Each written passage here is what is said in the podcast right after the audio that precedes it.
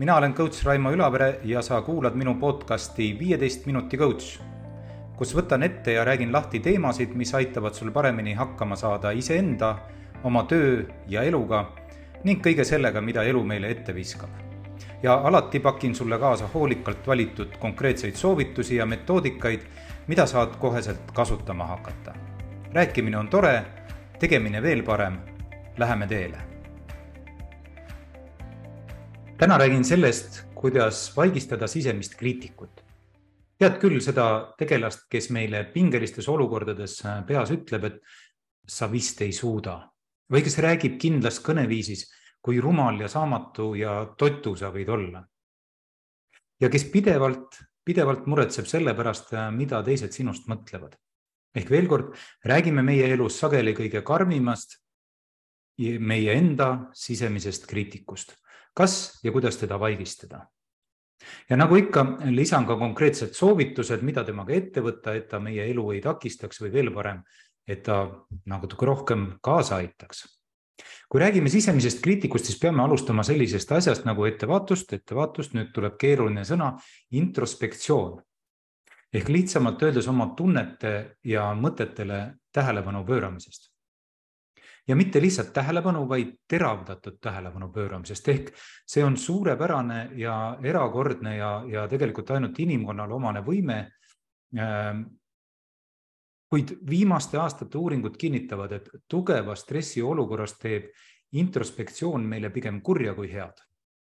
see paneb miini meie võimekusele teha head tööd, teha suurepärane sooritus äh, võistlustel või ka tulla välja emotsionaalselt raskest olukorrast. see mõjutab meie suhteid teiste inimestega ja mitte positiivses suunas. see loob eeldusi äh, vihaks, agressiooniks, halvemal juhul ka vägivallaks. introspektsioon stressiolukorras sünnitab ühe ülimalt ebameeldiva nähtuse, tsüklilise mölapidamatuse meie peades. vabandust väljenduse pärast me mõtleme üha uuesti ja uuesti jamale, mis tööl juhtus. me elame üha uuesti, uuesti läbi äh, tüli oma parema poolega. me kahetseme veel ja veel äsja välja oldud lauset. ja reeglina me alustame endasse vaatamist suure lootusega leida sealt abistav coach, ent liiga tihti kohtume vaid sisemise karmi kriitikuga. no miks me siis ometi ikka jälle seda teeme? me teeme seda, sest see on meie püsiseisund. me ei suuda elada sada protsenti olevikus, ehkki eneseabikurud seda pidevalt soovitavad. ühe uuringu järgi viibib tavaline inimene umbes kolmandiku kuni poole oma ajast kas minevikus või siis tulevikus. ajas rändamine on püsiseisund, millesse me läheme eelkõige siis, kui meil pole midagi aktiivset käsil, kui mõte läheb nii-öelda rändama. ja siis me hakkame iseendaga rääkima pidurdamatult, tsükliliselt ehk korduvalt sama jutt, samad sõnad, samad pildid üha uuesti ja uuesti. me kõik räägime iseendaga mingil moel, me kõik. ja me räägime palju, ühe uuringu järgi paneme oma peas juttu tempoga neli tuhat sõna minutis. kui see kõik oleks häälega välja öeldud, see on umbes kolm korda rohkem sõnu, kui kuuled tänase podcast'i osas ja seda kõike pane tähele ühes minutis. Mhm. palun kergemat karistust, tahaks öelda ehkki see lobisemine on paljudel äh, hetkedel täitsa tore ja aitab ka paremini elada, siis ta kipub meilt alt vedama äh, just siis, kui meil on teda kõige rohkem vaja. tugeva stressi ja pinge olukordades. ja nii mõnigi kord kuuleme ennast siis ütlemas, ma tahaks, et see ükskord ometigi ära lõpeks. ma ei taha enam neid mõtteid, ma ei taha, et nad tulevad. ma ei taha, et nad mind niimoodi rivist välja löövad ja siit tuleb ka esimene väga oluline võti edasise mõtestamisel, seda lobinat, sageli ka enesekriitilist mölapidamatust, vabandust jälle kord väljenduse eest, ei ole võimalik välja lülitada. Endaga rääkimist ei saa kinni panna, see on püsiseisund. ja meie väljakutse on pigem selles, kuidas seda enesega rääkimist teha paremal, edasiviivamal, mõistlikumal moel. ja sellele siis edaspidi siin keskendumegi esimese soovitusena räägin niisugusest asjast nagu distantseerumine. suur osa äh, meie probleemidest peas ja selles jutus tuleneb sellest, et äh, me võtame mingisuguse teema, mingisuguse sündmuse liiga tugeva suurendusega luubi alla teeme enda peas sääsest elevandi ja hakkame iga elevandi sabakarva või, või londikortsu äh, uurima, lootes sealt leida lahendust suurele küsimusele, miks elevant minu peas tammumist ei lõpeta. Distantseerumine on selle analoogia juures aga justkui elevandi kaugelt vaatamine. see ei lahenda probleemi, ent suurendab võimalust, et me leiame lahenduse ning ei jää kinni iga karva ja kortsu analüüsimisse. eemalt, kõrvalt vaadates paistavad äh, asjad sageli palju selgemad, palju lihtsamad. no tead küll, teistele nõu andmine on Äh, sageli palju lihtsam kui ise tegemine. see ise tegemine võib olla pagana raske. Distantseerudes kasutame veel ühte inimesele antud supervõimet, visualiseerimist ehk ettekujutamist. nimelt meie kujutused muutuvad. me oleme võimelised ka näiteks mineviku sündmusi erinevatel aegadel ette kujutama päris erinevalt. õigupoolest, olles täpne, me teemegi seda. iga kord, kui sina mõtled äh, mingisugusele mineviku sündmusele, siis su aju paneb selle iga kord uuesti tükkidest kokku.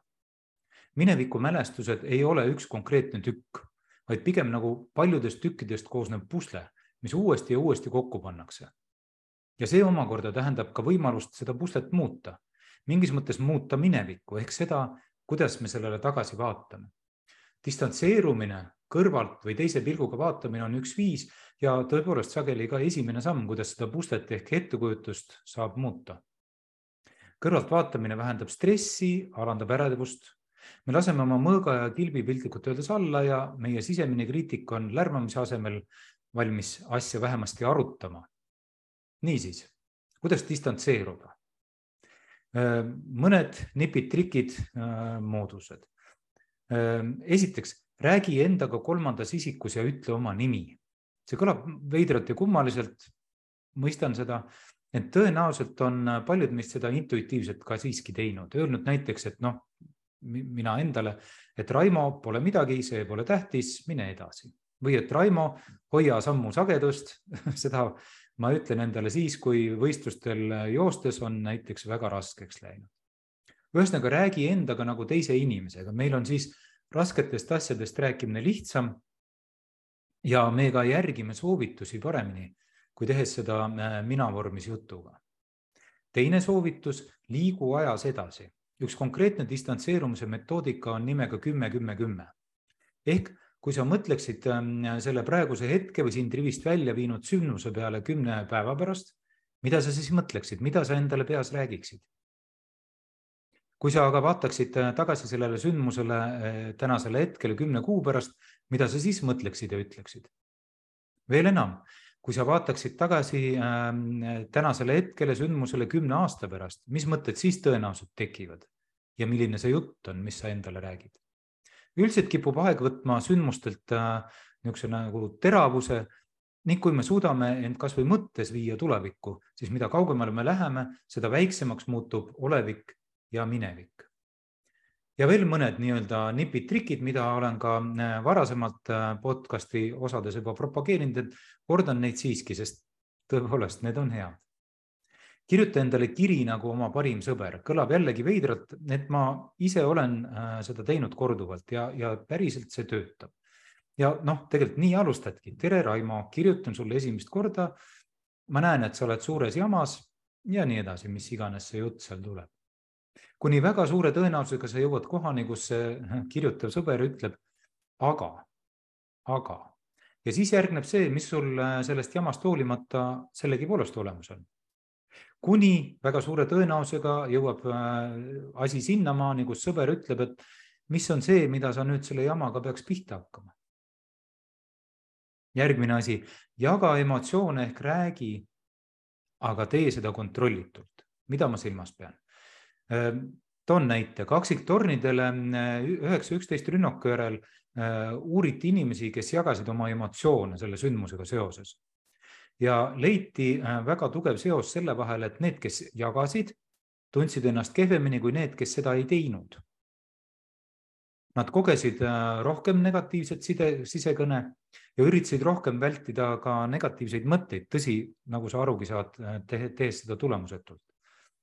muuseas, Need, kes enim ja tugevamalt jagasid, kogesid ka enim stressi ja kehvemat mentaalset tervist, seega tunnete jagamine justkui ei aidanudki, pigem vastupidi, tegi mõne inimese jaoks asju veel hullemakski. sama on leitud hulga teiste uuringute käigus, me küll kogeme toetust ja lähedust, kui jagame emotsioone, ent mõnikord, et mitte öelda sageli, see ei aita vähendada äh, negatiivset sisekõne ja nagu eespool viidatud, võib see viia sootuks vastupidises suunas. rääkimine tekitab, tõsi, parema tunde, täpsemalt ta võimendab kuuluvuse tunnet, tunnet, et ma pole üksi, ent see ei lahenda probleemi. miks? sest me oleme sageli eelkõige keskendunud sellele, et saada kaastunnet, kaasaelamist, me rõhume empaatiale, selle asemel, et keskenduda probleemi lahendamisele, et leida praktilisi ja pragmaatilisi lahendusi probleemidest korduvalt samade sõnadega rääkimine õpetab inimesele tõepoolest midagi, ta õpetab väga ilmekalt emotsionaalselt üha uuesti ja uuesti oma probleemist rääkima ja seda äh, üha uuesti ja uuesti emotsionaalselt läbi elama. mis aga ehk aitab tõepoolest, on emotsioonidest rääkimine kontrollitult. rääkimine aitab, see on tõsi, aga ühel hetkel peab see lõppema otsuse ja tegevusega ning seda on lihtsam teha, kui rääkimisel anda ette mingisugune äh, vorm või raamistik näiteks leppida endaga või äh, teistega kokku, et nüüd räägime tunni jooksul ära kõik, mis mul selle kohta öelda on ja siis on punkt. ja siis on punkt. ja siis pöörame pilgu sellele, mida saame me ette võtta, mis see järgnev tegevus võiks olla. järgmine nipp, nipp või trikk on, et äh, nimeta tunne, äh, mida sa tunned ehk pane sellele tundele nimi. üks erakordselt lihtne metoodika Äh, kui tunned, et emotsioonid kasvavad üle pea, siis peatu ja pane tundele nimi. ma tunnen viha, ma tunnen üksindust, ma tunnen hirmu. jubedale tundele nime panemine aitab, kui sa oled tundele nime pannud, siis äh, on vähemasti mingisugune tõenäosus, et juhtub kaks asja. esiteks oled ostnud endale aega. ma ei tea, kas sa tead, aga igasuguse tunde füsioloogiliselt nii-öelda akuutne periood on umbes üheksakümmend sekundit Äh, siht on meil siis see hetk, eks ole, üle elada. ja teiseks, muuta saab äh, neid asju, millel on nimi ja, ja millest sa saad aru, kuidas see on ähm, ehitatud või mis asi see on. nii et ehk jõuad ka mingisuguse tegevuseni edasi. kui see on üksindus, siis helista sõbrale ja nii edasi ja nii edasi. sõnaga, et välja tulla mäletsemisest ja sisemise kriitiku mölapidamatusest, siis pane tundele nimi ja viimane äh, minu niisugune nagu soovitus või nõuanne sisemise kriitiku taltsutamiseks on vaheta keskkonda, mine loodusesse. olen seda tõesti korduvalt ja korduvalt äh, rääkinud, ent ei väsi seda veel kord rõhutamast. inimese käitumist mõjutab konkurentsitult kõige enam keskkond. kui sinu sisemine kriitik ärkab, siis on ehk hea mõte panna tossud jalga ja minna metsa jalutama või jooksma ja selle keskkonnavahetuse mõtte taga on kohutavalt palju teadust, usu mind. kümned eksperimendid kinnitavad, keskkonnavahetus, eriti loodusesse minek, on üks tulemuslikumaid viise enda sisemise kriitiku rahustamiseks. ja siia lõppu äh, tahan öelda veel ühe äh, mõtte, sisekõne vältimine noh, umbes nii, et ma ei tohi nii mõelda stiilis ja, ja õigemini vältida püüdmine, sest selle vältimine on võimatu. see ei ole hea mõte, see vastupidi suurendab meie tundlikkust selle, selle nii-öelda negatiivse mõtte ja, ja kriitiku, kriitika vastu. ja me ehitame sel puhul äh, sinna sageli veel ühe niisuguse kihi peale, hakates end süüdistama selles, et äh, meil üldse need äh, negatiivsed mõtted ja, ja, ja kriitika tuleb. mõtted tulevad ja lähevad. küsimus on, mida me nendega peale hakkame. ja me kõik oleme võimelised nende mõtetega hakkama saama, tõenäoliselt nõuab see järjepidevust, et mõttemustreid muuta. tõuseb, tõenäoliselt nõuab see järjepidevust, et meie sisemine kriitika hakkaks käima teisi radu ja ehk poleks ka noh, nii väga kriitiline. võib-olla nõuab see keskkonnavahetust, võib-olla nõuab see käitumisharjumuste muutust, jauramise asemel äh, näiteks öelda endale, ah, tead, ma olen lihtsalt väsinud ja minna magama. ent see kõik on tehtav, me saame sellega hakkama, me kõik saame sellega hakkama, olenemata sellest, mida meile meie sisemine kriitik räägib. aitäh, et kuulasid. elu on ilus ja kuuleme jälle. thank you